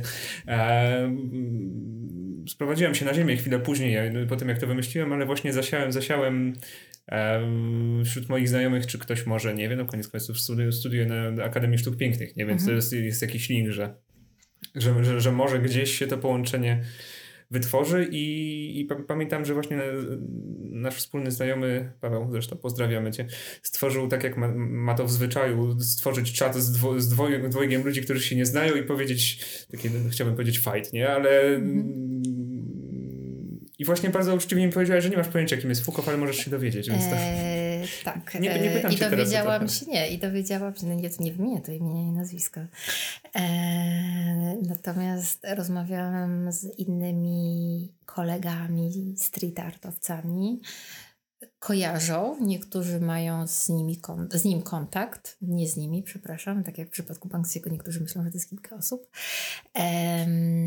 I mają, i są osoby, które mają z, nimi, z nim kontakt, ale nikt nie wie do tej pory, kto to jest. Naprawdę, Aż powiem tak. szczerze, tak. Bo to, to jest tak mało możliwe, chociażby patrząc na to, że dobre, no chyba już kilkadziesiąt, nie? W sensie ale kilka... to tak samo może z Banksim. Na pewno są osoby, które go znają, ale cała zabawa tkwi w tym, że oni nawet nie chcą powiedzieć. Nie no, raczej. Więc tak samo wydaje mi się, że jest z Pozdrawiamy oczywiście. Pozdrawiamy, jeśli tego słuchasz, to... Tak. To, możesz się odezwać w sumie, bo to, to ciągle jesteśmy ciekawi, a już wiemy więcej na temat i... A Fuków jest w całej Polsce. Znaczy w Warszawie widziałam najwięcej, więc podejrzewam, że to są tereny tego człowieka, bo nie znamy płci e, teoretycznie. E, natomiast i widziałam w Gdańsku, widziałam we Wrocławiu, w Poznaniu, w Krakowie, więc, więc to też jest ciekawe, że jest wszędzie i wszyscy go znają. W sensie nikt go nie zna, ale wszyscy go znają i widzieli. Nie mnie urzekło na przykład właśnie, właśnie pod trasą jest taka wielka strzałka wymalowana i pozdrawiam panów, którzy mnie poczęstowali do, wodą z tego domu. Nie? I tak, takie... Ojej. Prawda? Takie, Cudownie. Prawda? Fantastyczne, urocze. E, Dobrze, już zeszliśmy absolutnie ze wszystkich tematów, chyba, że ty masz do nas jakieś pytania. Nie, niebezpieczne. Chociaż Adam dobrze odpowiadał na pytania do tej pory. Więc... Nie, wiesz co, jeżeli... Nie, ja się zorientowałem, że mam do czynienia z nauczycielem akademickim, a w sytuacjach, w których taki zadaje mi pytania, wspominam wyłącznie traumatycznie, więc to... Nie wiem, no moi studenci lubią yy, moje wredne pytania czasem. Ale ja, ja nie jestem tą, która daje złe oceny lub, e, lub gani. Raczej lubię komunikację ze studentem i, i staram się sama troszkę zamienić się w studenta e, i dać większe pole popisu studentowi. I, I za każdym razem mówię, możecie nawet głupoty gadać, ale gadajcie myślcie, kombinujcie, bo na tym polega konserwacja sztuki współczesnej. Musisz zrobić coś z niczego. Jak zakonserwować bochenek chleba? No nie znajdę tego w podręczniku. Muszę do tego sama dojść, kupić bochenek, ususzyć i używać różnych klei konserwatorskich, bo miałam ten chlebek w kawałkach. Jeszcze w środku był wosk, co powoduje, że już połowa ci klejów odpada, w sumie wszystkie. Jak tutaj połączyć taki obiekt? Jak e, skleić włosy?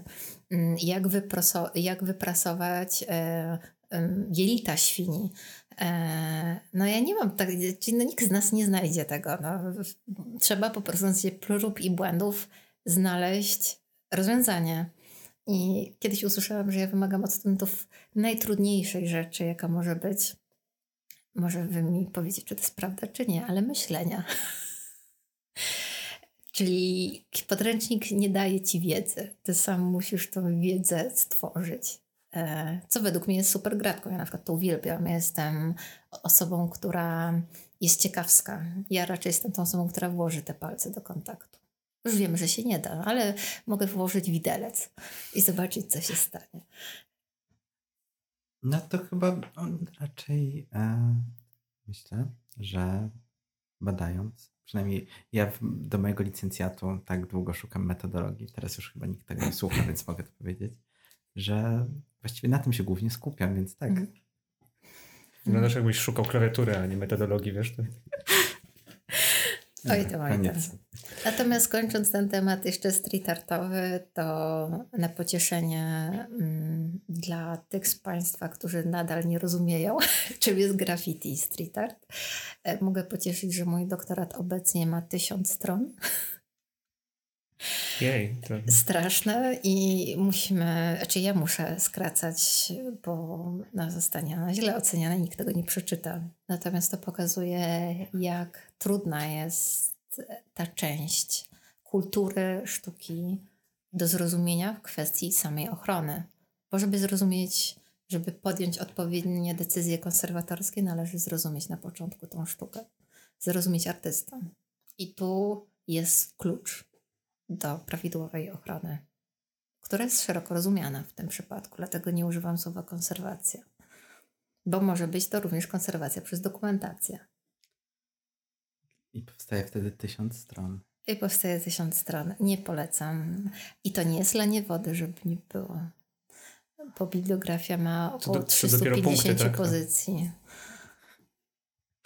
To niech to będzie puenta, że jeżeli jesteś studentką, studentem, to to jesteś bardzo miłym nauczycielem akademickim, ale jeżeli jesteś recenzentem prac naukowych, to to omijaj to nazwisko lepiej, nie? To jest... Albo po prostu zgłoś się do mnie, ja ci zrobię prezentację i skrócę to w trzy godziny. Tak myślę, mam nadzieję. Albo po prostu posłuchaj tego podcastu. O. Jeśli będziesz kiedyś miała materiał, o którym chcesz poopowiadać, to możesz do nas przyjść. Słuchaj, gość, który mówi więcej od nas, to jest zawsze skarb, więc... A mówiłam więcej od was, rozumiem. A nie, to, to, to, to nie zarzut.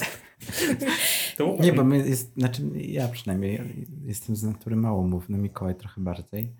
Ja przeważnie... Tylko, że Adam ma mądrzejsze rzeczy, a ja mniej. Dlatego, się, dlatego robimy to razem, nie? Dopełniacie się. Ja akurat, jeżeli znajdę taki swój temat, to potrafię naprawdę dużo mówić. E, stąd raczej jak prowadzę wykłady, to mam na kartce punkty, tematy wypisane, żeby się trzymać, bo studenci by mnie znienawidzili. bo naprawdę potrafię mówić, mówić i mówić. Tak jak teraz, gdzie pobijamy rekordy. Godzina 48. Nie, tam Nagrywam jeszcze 3 minuty rozbiegówki. Dobrze. Tak, tak, czy inaczej. Dziękujemy wszystkim osobom, które tego słuchały, ale tym bardziej dotarły do końca. E, czeka na Was. wspaniali i wytrwali. Tak, Dokładnie. I jak będziecie następnym razem szli do pracy lub na uczelnię, to oglądajcie przestrzeń, która Was otacza, a może znajdziecie albo Watchera, albo Żylaki Miss Doris, e, albo jeszcze inne ciekawe rzeczy, które możecie spotkać na murach. I w nagrodę tego, że dotarliście właśnie do końca, to tylko poinformuję, że pierwsze pięć osób, które wyślę maila na adres redakcja małpomalcontent.pl dostaje darmowy dostęp e, do naszego magazynu Malcontent, który się wydał, się wydał, widzisz? Mhm. Się wydał w, w, marcu, więc a, sprawdzimy, czy ktokolwiek, nie? A te osoby, które dotrwały do końca, niech w komentarzu napiszą Fukow. U. To będzie sygnał, że dotarli i was bardzo podziwiamy. Nie ma sekcji komentarzy, ale doceniam twoje Dobrze wszyscy wiemy, Kurczę, że no. jedyną osobą, która to zrobi, będzie Paweł. Dobrze. Na bank. Nieważne kiedy zaczęliście, odpowiednio już dla mnie jest teraz powiedzieć dobranoc, więc dobranoc. Dziękujemy Ci Dziękuję. za rozmowę. Ja również bardzo dziękuję. Dziękuję Państwu, że byliście z nami przez ten krótki czas. Koniec końców to ledwie ile? 8% dnia. Nie. Ale jakiego miłego. Dzięki nam.